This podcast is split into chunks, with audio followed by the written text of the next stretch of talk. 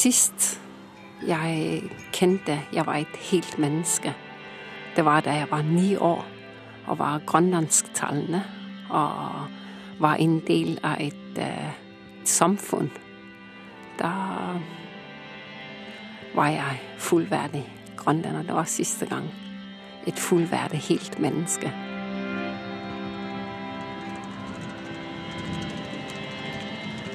Har du noen gang opplevd hvordan det er å ikke komme på et navn? Du kan kjenne at det ligger ute på tungespissen, men du klarer ikke å få deg ut. Tenk deg at denne følelsen ikke bare dreier seg om et navn, men hele språket ditt og hele din barndom. Denne følelsen har Louise Fontaine levd med i over 40 år. Det uff, det er så Det er rett og slett irriterende. Jeg blir litt sint når ikke jeg får det til å henge fast. Rasoppi.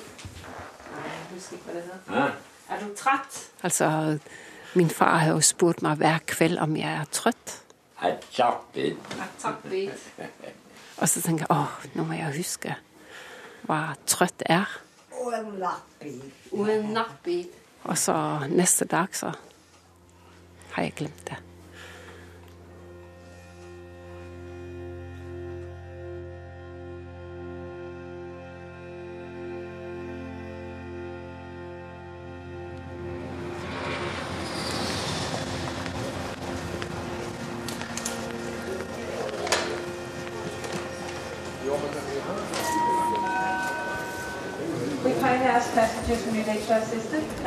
Klokka er sju på morgenen når vi sitter på Kastrup og venter på flyet.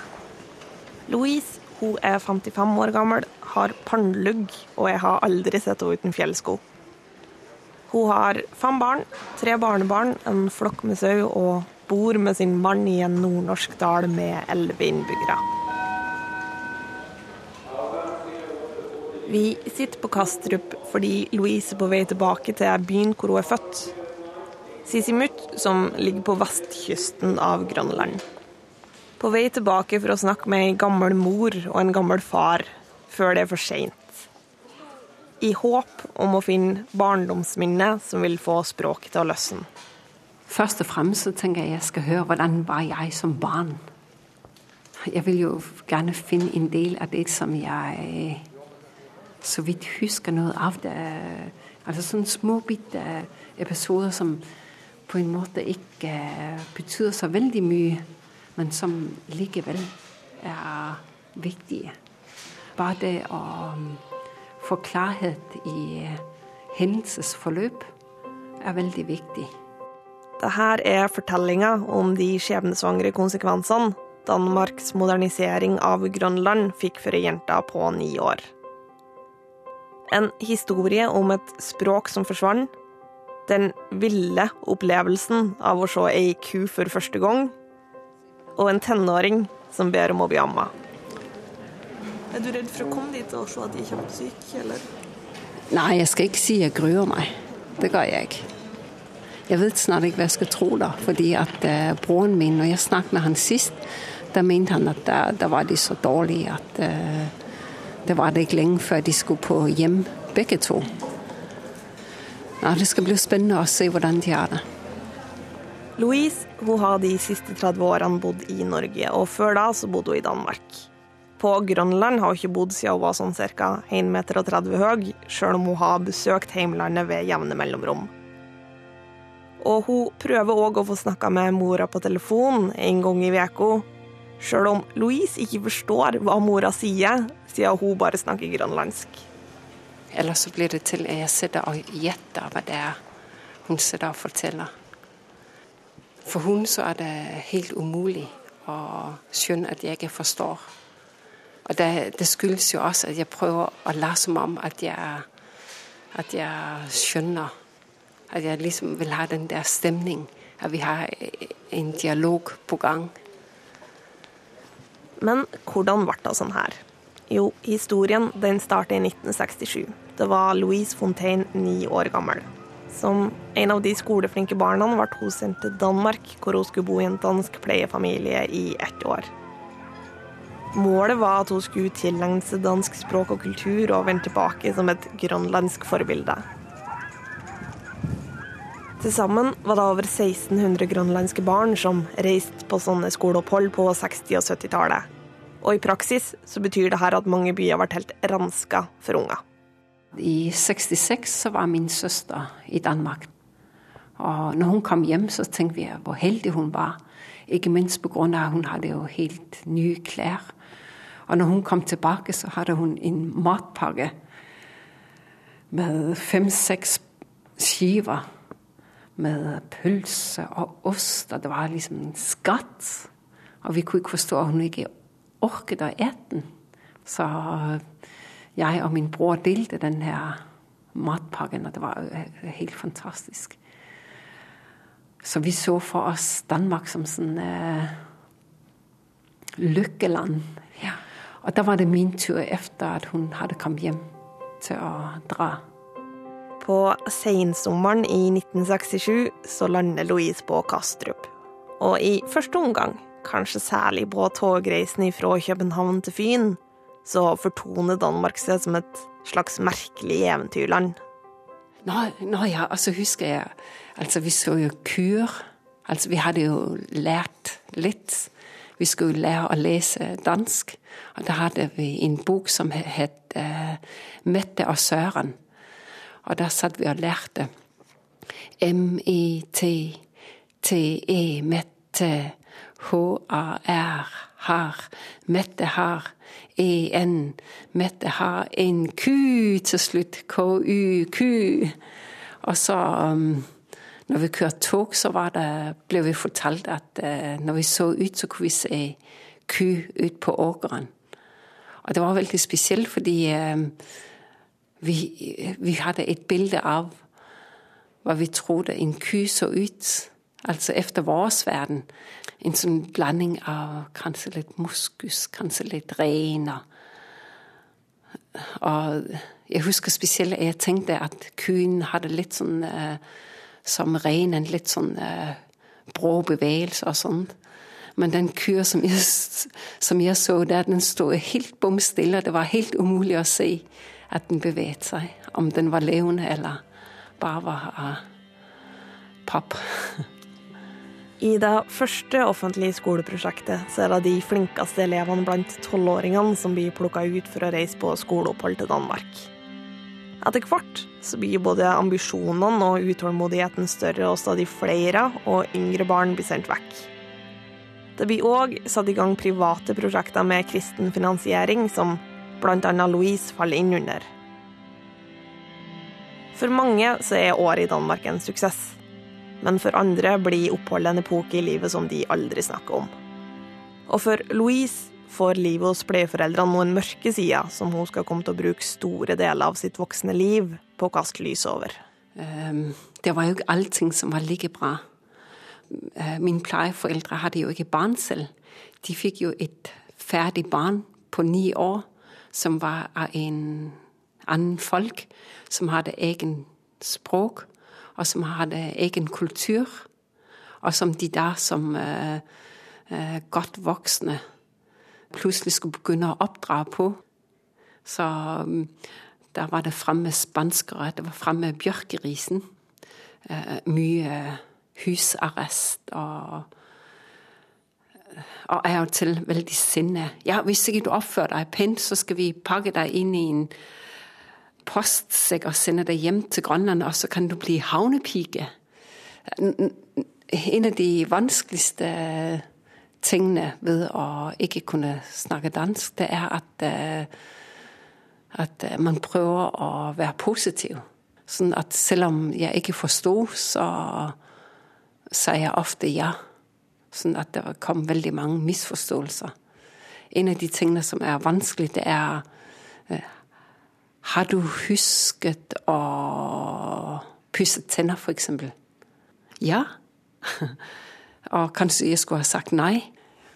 Så da, da var det sånn at eh, forståelsen for at, eh, at man hadde problemer med å forstå, kunne ofte ende i at eh, pleiefamilien trodde at man løy.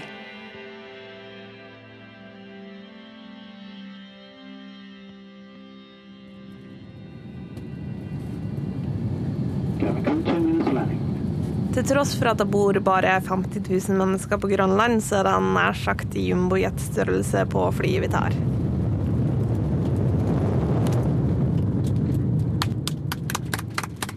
Det er òg et sted hvor det er såpass vanskelig å lande at hvem som helst kan bli henfallen til klisjémessig sydenklapping når vi etter en times sirkling omsider kommer oss ned. On behalf of Air Greenland to Central crew, we'd like to visit this Air Greenland flight and we're looking forward to welcome you on board again. Thank you and goodbye.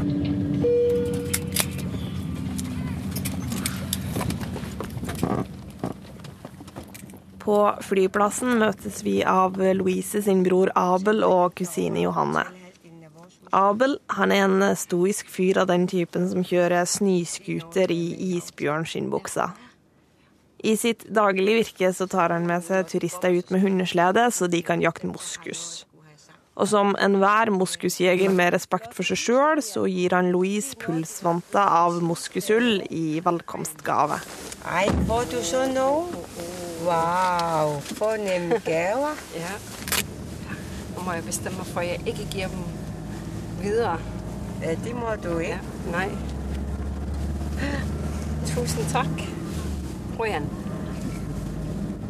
Louise hun så foreldrene sine sist for to år siden, og da var de i fin form. Men nå har hun hørt at det har begynt å skrante. Er hun blitt senil, Abel? Nei, Ikke senil. hun klemmer litt. Hun glemmer det. Eh,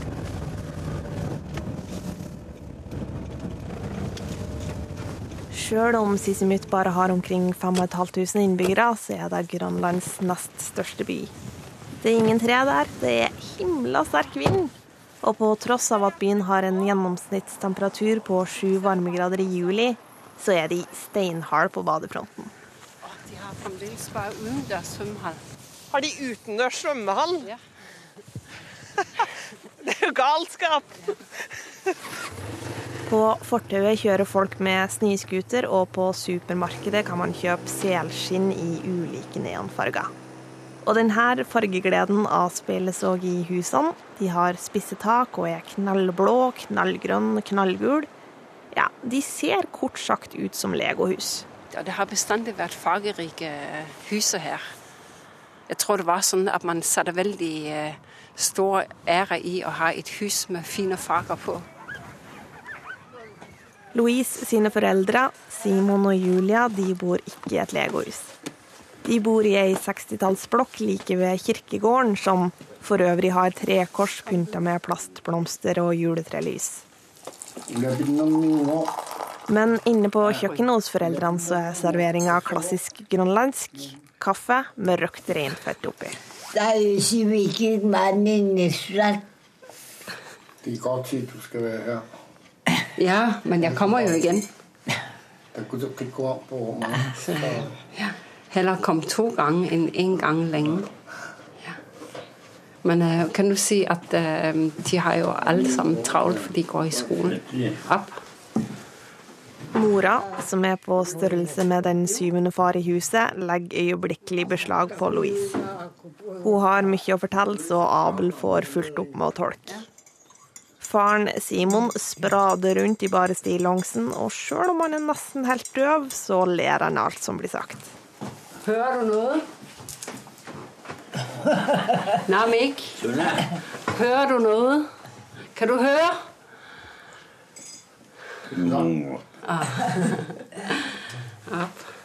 Og akkurat her, på det kjøkkenet hvor vi sitter nå, oppdaga Louise for første gang at hun hadde glemt hvordan man snakker grønlandsk. Da var når hun for første gang kom på besøk hjem til Grønland etter nesten sju år i Danmark. Jeg var da 16 år. Jeg hadde da ikke vært hjemme siden jeg var ni år. Og jeg skjønte jo at jeg hadde glemt språket, men jeg tenkte at når jeg kom, når jeg landet på Grønland, så skulle alt komme ramlende ned i hodet på meg. Men eh, spesielt var det når jeg skulle prøve å fortelle min mor at jeg var sulten, og at jeg gikk og tok noe mat.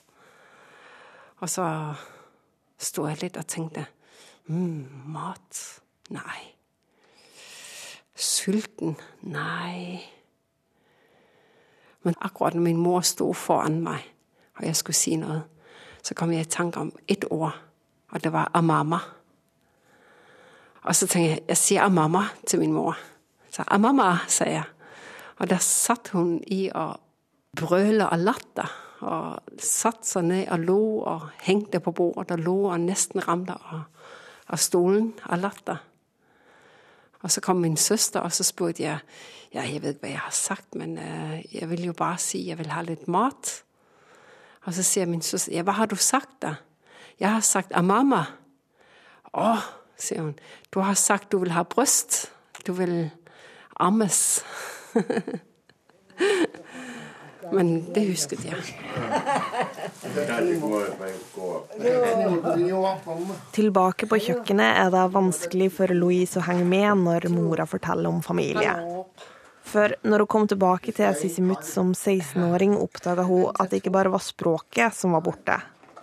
Når familien arrangerer velkomstfest, så finner Louise òg ut at hun har glemt nesten alle utenom den nærmeste familien. Det var noen som jeg så som jeg kjente igjen, men som jeg ikke visste navn på. Og de kom med en liten tallerken. Og på tallerkenen lå det et stort fiskehode.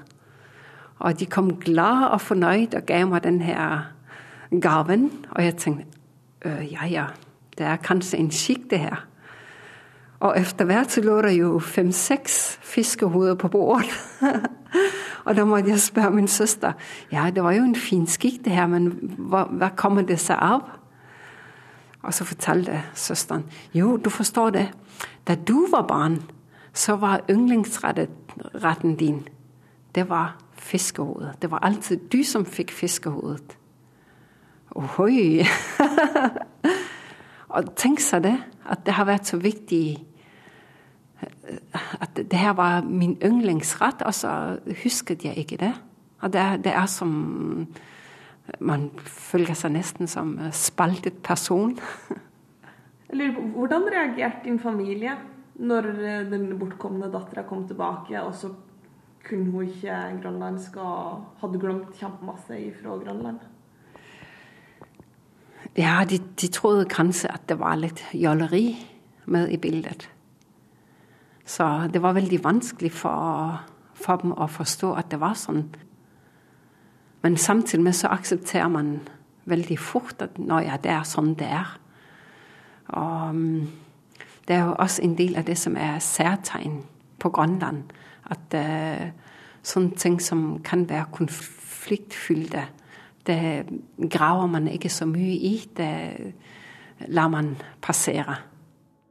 Men Louise skal ikke lenger la det passere.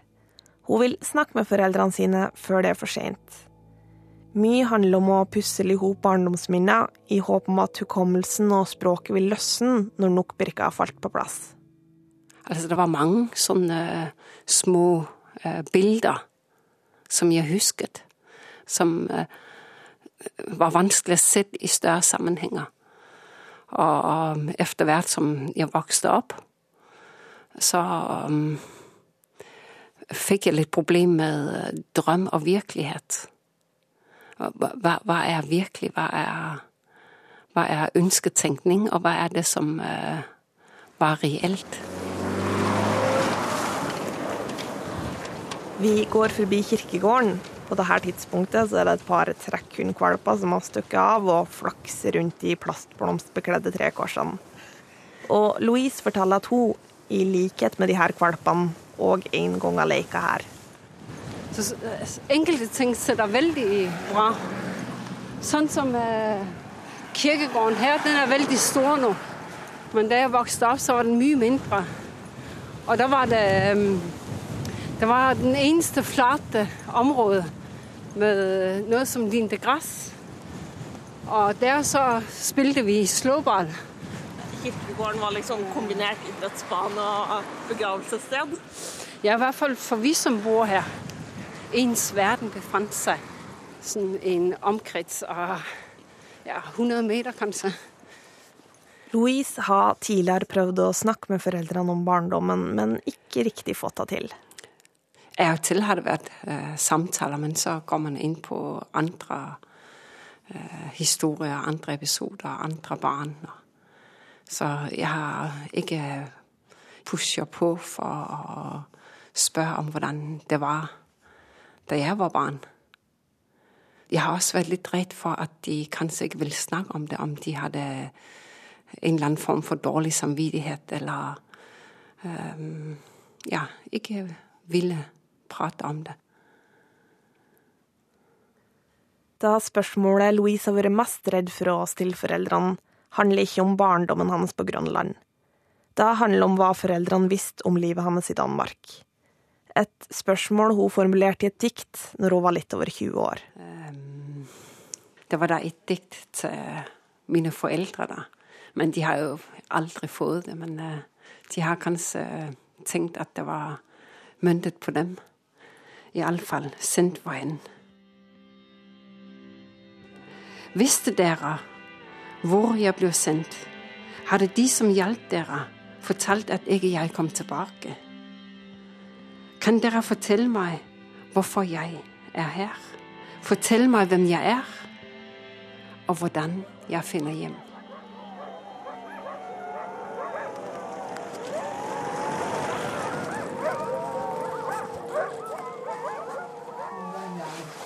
Anori var det.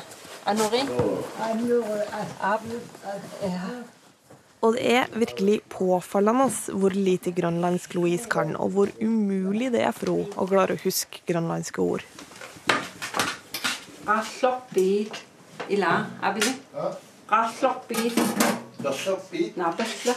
Mens Louise er hos foreldrene, så hører jeg hvordan hun iherdig terper på hvordan man sier f.eks.: Er du trøtt?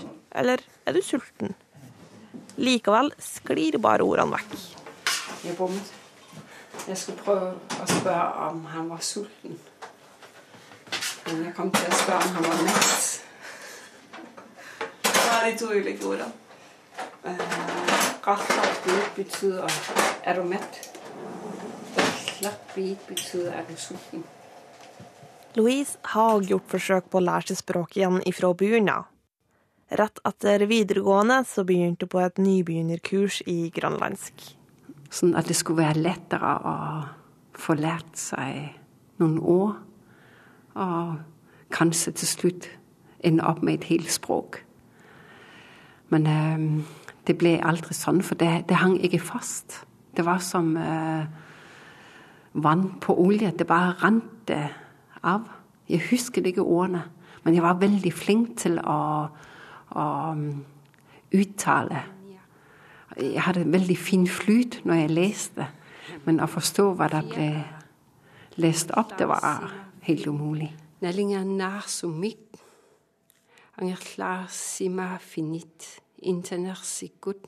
Det var så smått skrift. Jeg har ikke briller på. Det ble etter hvert sånn at jeg ga opp det her med undervisningen etter to år og tenkte at jeg får bare høre etter enkeltord. Og så får jeg tro at jeg skal kunne høre hva det er, enten gjennom stemning eller fantasi.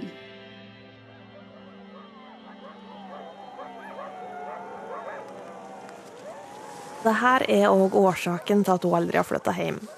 Det er veldig vanskelig å bli akseptert som grønlander på Grønland når du ikke kan språket. Men det er heller ikke til å skyve under et hvilket som helst møbel at Louise er ganske god til å fake at hun forstår hva folk sier.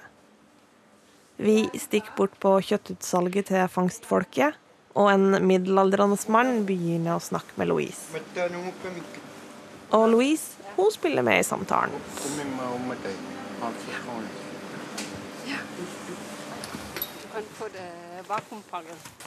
Det så ut som han trodde at du forsto grønlandsk. Ja, det tror jeg han trodde.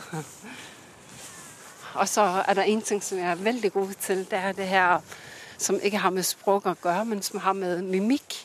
Sånn de her hilsing med øynene, og, som gjør at man ser at det er en grønlender. Man løfter øyenbrynene. Ja, det er grønlandsk måte å hilse på. Ja. Men det har ikke alltid funka like godt for Louise å late som om hun forstår. Ja, det var um, en gang hvor jeg var på reise langs kysten. Og jeg satt opp på dekket og tenkte å, så fantastisk. Jeg er hjemme, og det er vakkert her. Jeg er grønlandsk, og det her er liksom mitt. Så kom det en gammel mann og satte seg ved siden av meg. Og han begynte å tale grønlandsk.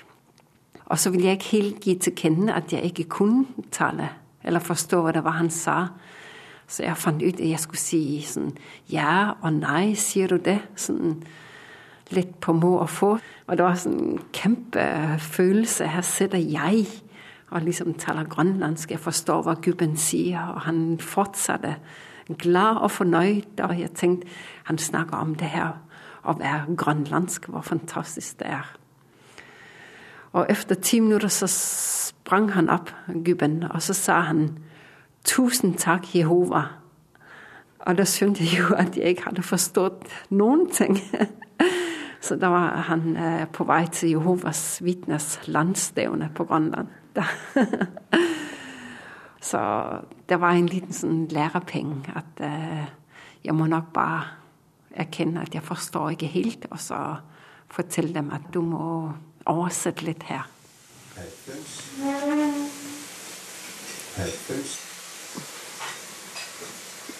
76. 76. Det er bingoaften, nærmere bestemt radiobingo.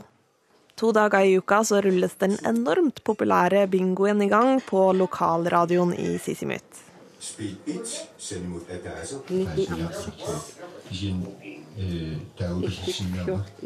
Mora til Louise har vært familiens bingodronning, men ettersom tallene ropes opp, kan man se at den fysiske svekkelsen òg har gått utover spillet. Hun blir etter hvert så sliten i armen av å markere tallene at Louise må hjelpe henne. Men jeg kan sitte ved siden av deg. 11. Nå. 98. var Elleve.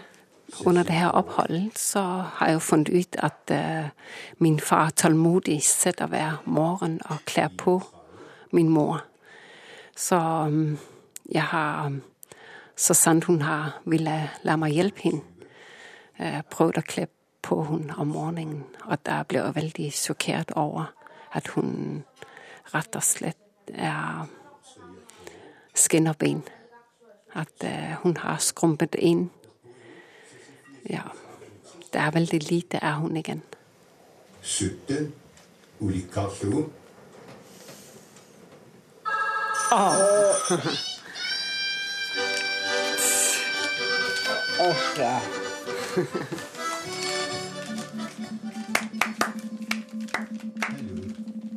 Midt oppi denne bingoidyllen så er det ikke så lett å se at Louise har vært lynforbanna på foreldrene sine.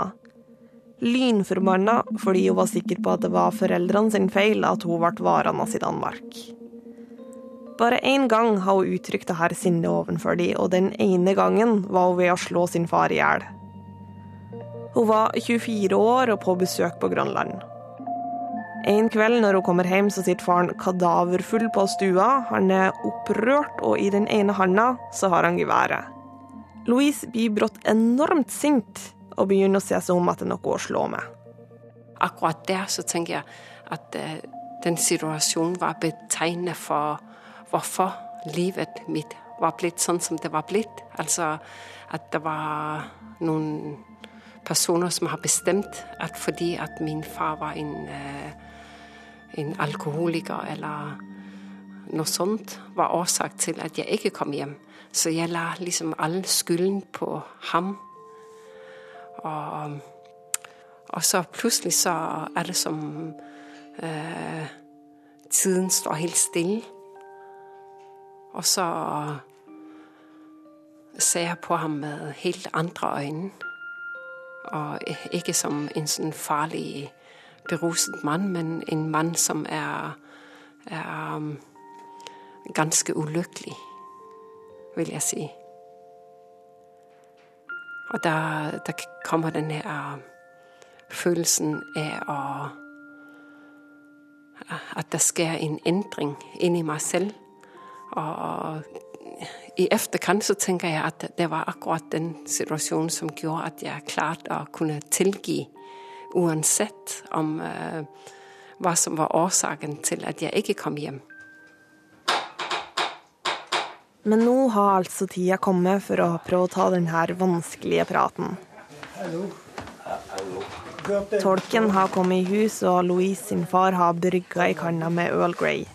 Etter hvert som han ble eldre, så ble alkoholen bytta ut med te. Ja. ja. Var, jeg, var jeg et lett barn? Spør om jeg var et lett barn. Pasoulutluga aperiwa meqatupi minartuusimanerluni meraagissaan Jeg var veldig spent på om de hadde lyst å prate, og ja, hvilket humør de var i. De var veldig buglere. Det var veldig fin stemning. De var uh, utrolig til å fortelle.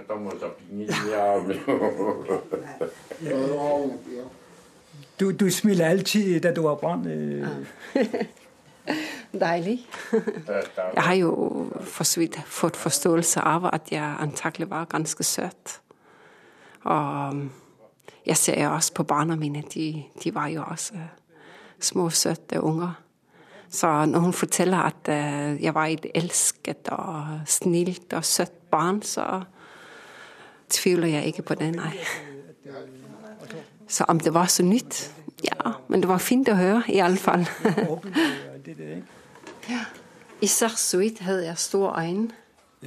Isorsuit, isikkarsuisimavorora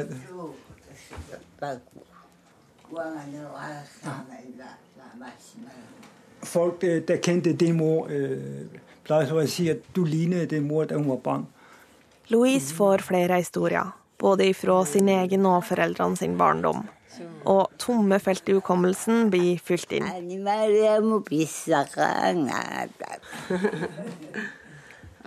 Nå kan jeg godt huske det. Jeg kunne ikke huske det før. Men nå husker jeg det. Det er en tilhørighet som er viktig ikke bare for meg, men også for dem.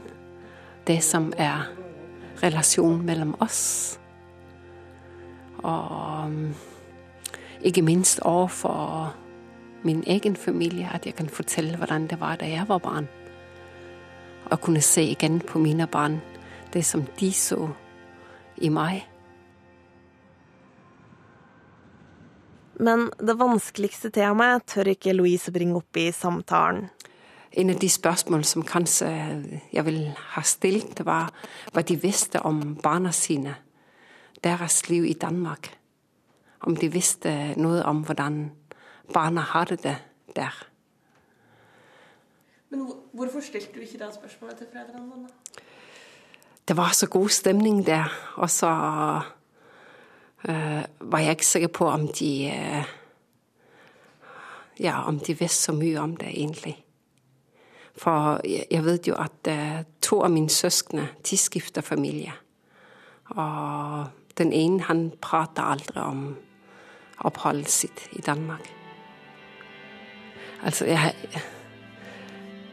jeg, vil jo selvfølgelig fortelle at jeg har det der godt. og sånn. Jeg tror ikke jeg vil ha fortalt noe som, som vil gjøre dem lei seg. Så det vil jeg spare dem for. På de nesten sju årene Louise var i Danmark, så tapte hun heimlandet. Grønland hadde vært et sted hun kunne se inn på, men ikke var en del av. Men hvorfor ble egentlig Louise varende i pleiefamilien? Og hva skjedde i Danmark som jaga vekk språket hennes på så ugjenkallelig vis? Selv om jeg tilpasset meg veldig fort, så var det en del erting. Det som vi i dag kaller for mobbing. Og når de danske barna ertet, så var jeg veldig rask til bare å slå dem ned. Så dermed så var jeg jo også en vill grønlender. Men for Louise dreier de mørke sidene ved skoleoppholdet seg om noe mer enn mobbing, pleieforeldrene sitt spanskrør og en postsekk som skulle sende henne tilbake som havnepike. Opplevelser hun ikke har klart å ta tak i før hun var voksen, og som hun nå har kommet fram til at kan være årsaken til at hun ikke fikk reise hjem. Altså På den ene siden var det veldig bra utadtil, men uh, Det var jo en del ting som heller ikke var så veldig bra.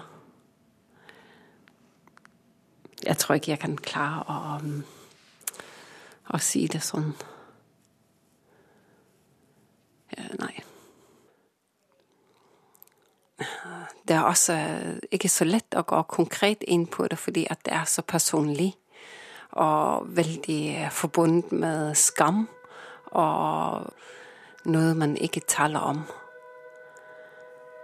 Jeg husker en gang hvor min plejefar sa at uh, det går ikke an å snakke om det, for da kom jeg i fengsel. Og jeg følte jo bestandig at jeg var veldig uh, fylt med skam i den forbindelse. Louise kalte aldri sine pleieforeldre for mor og far, og det ba de jo heller aldri om å gjøre. Men hun sier òg at de var veldig glad i henne, og at livet i Danmark òg var bra. Hun hadde mange gode venner, og forteller òg at hun likte å fare på telttur i lag med pleieforeldrene. Siden de ikke hadde andre barn, så ble det òg slik at Louise var den som fylte rollen som datter i familien. Og mens pleieforeldrene ennå var i live, så fungerte de òg som mormor og morfar for Louise sine egne barn. Sjøl om hun aldri lot de være alene sammen med pleieforeldrene. Og øh, det var veldig viktig at øh, mine barn også fikk øh, nær kontakt med dem som de kalte for mormor og morfar.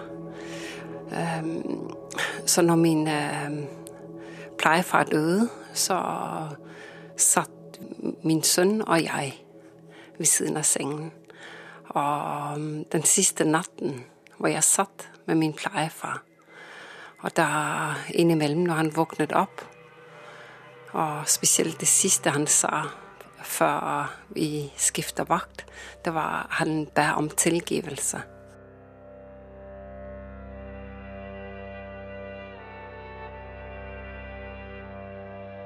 Og jeg tenkte Jeg hadde jo aldri sittet ved siden av et menneske som skulle dø. Så jeg tenkte når han uh, ba om tilgivelse, så hadde ikke Jeg hadde ikke ork til å, å ta det inn over meg. Men uh, etter at min sønn overtok vakta, og jeg gikk for å legge meg, så gikk det bare et kvarter før han døde. Og da tenker jeg i efterkant at uh, det skulle jo være sånn at uh, Ja, jeg skulle bare ha tilgitt. På den ene side så ønsker man virkelig å kunne slå en strek over det og tenke at det var det. Så var man ferdig med det. Og på den andre side så kjenner man inn i seg at, uh, at det er fryktelig vanskelig å gi tilgivelse når man ikke har klart å ta opp problemene. Så Og først når jeg kom i kontakt med et senter som jobbet med seksuelle overgrep og sånne ting, da fikk jeg jobbet med den her skamfølelsen. Og ikke ta det inn over meg som om det er jeg som er en skyldig part i det her. Um, og det å ha vært taus og ikke ta opp problemene, slik at uh, tabuet vokser og vokser og vokser. Og, og, slik blir det at det, det, er helt umulig å prate om det. Og jeg, jeg sier ikke noe til familien om hva som skjedde meg i barndommen. Altså mannen min, han har jo skjønt det for en, en dag når han var sint, så kom han frem. Å, nå må du ta deg sammen, du er ikke elleve-tolvåring. Og da ramla alt i hop, altså. Da var jeg klar for å dra. Og da var det veldig lett for å flykte videre. Så det, det er liksom en del av det her bildet at uh, man kan ikke gripe tak i det. Man bare flykter videre. Man skal iallfall ikke vise at man er sårbar, og at man ikke skal gråte, og man skal, ja, man skal være sterk. Og, og det blir så lett å bare skyve det vekk og pakke det vekk og ikke ta tak i det.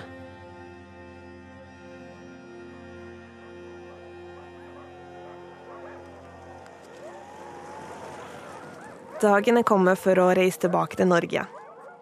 Louise har vært på butikken og kjøpt et lammeslakt i avskjedsgave til foreldrene. Mora til Louise skal opp til aldersheimen, og derfor så springer vi med lammeskrotten slengt over nakken for å rekke å si farvel før taxien kjører. Det står ikke bra nå. Ja, det var litt hektisk avskjed.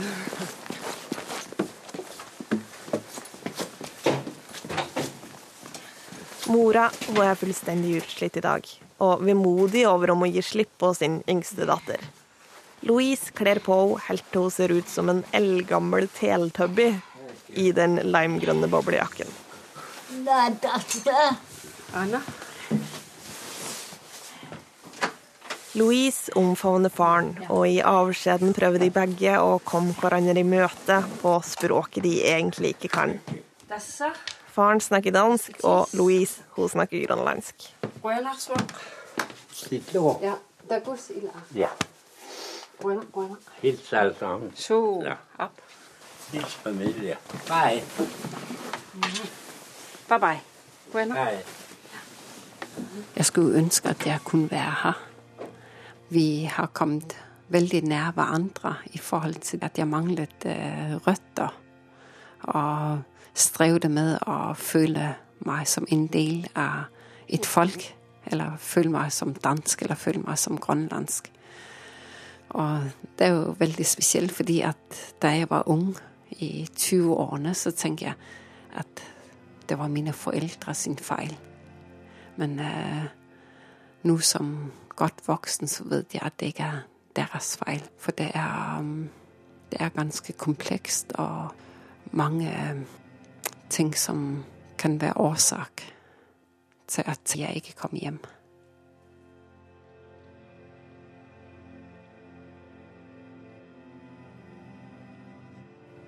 Følelsen av å være et helt menneske som kunne inngå i et helt folk, det var jo da jeg var ni år gammel. Kanskje en dag hvor jeg er hjemme på fjellet og fisker eller plukker bær eller sanker sopp, at jeg uforvarende plutselig kommer i tanke om språket mitt. For jeg vet jo at uh, det ligger jo rett bak hodet mitt, eller rett nede i ryggen, eller inni hjertet. Et sted i meg så eksisterer det et helt språk som bare venter på å bli plukket opp. They say home is the place where your heart is. That I am home now, though I am far away. Så den dag språket mitt er tilbake, så vil jeg føle at jeg ikke skiller meg ut, men er en del av et helt bilde. They say home is a place you can choose to be. And I've decided to carry home inside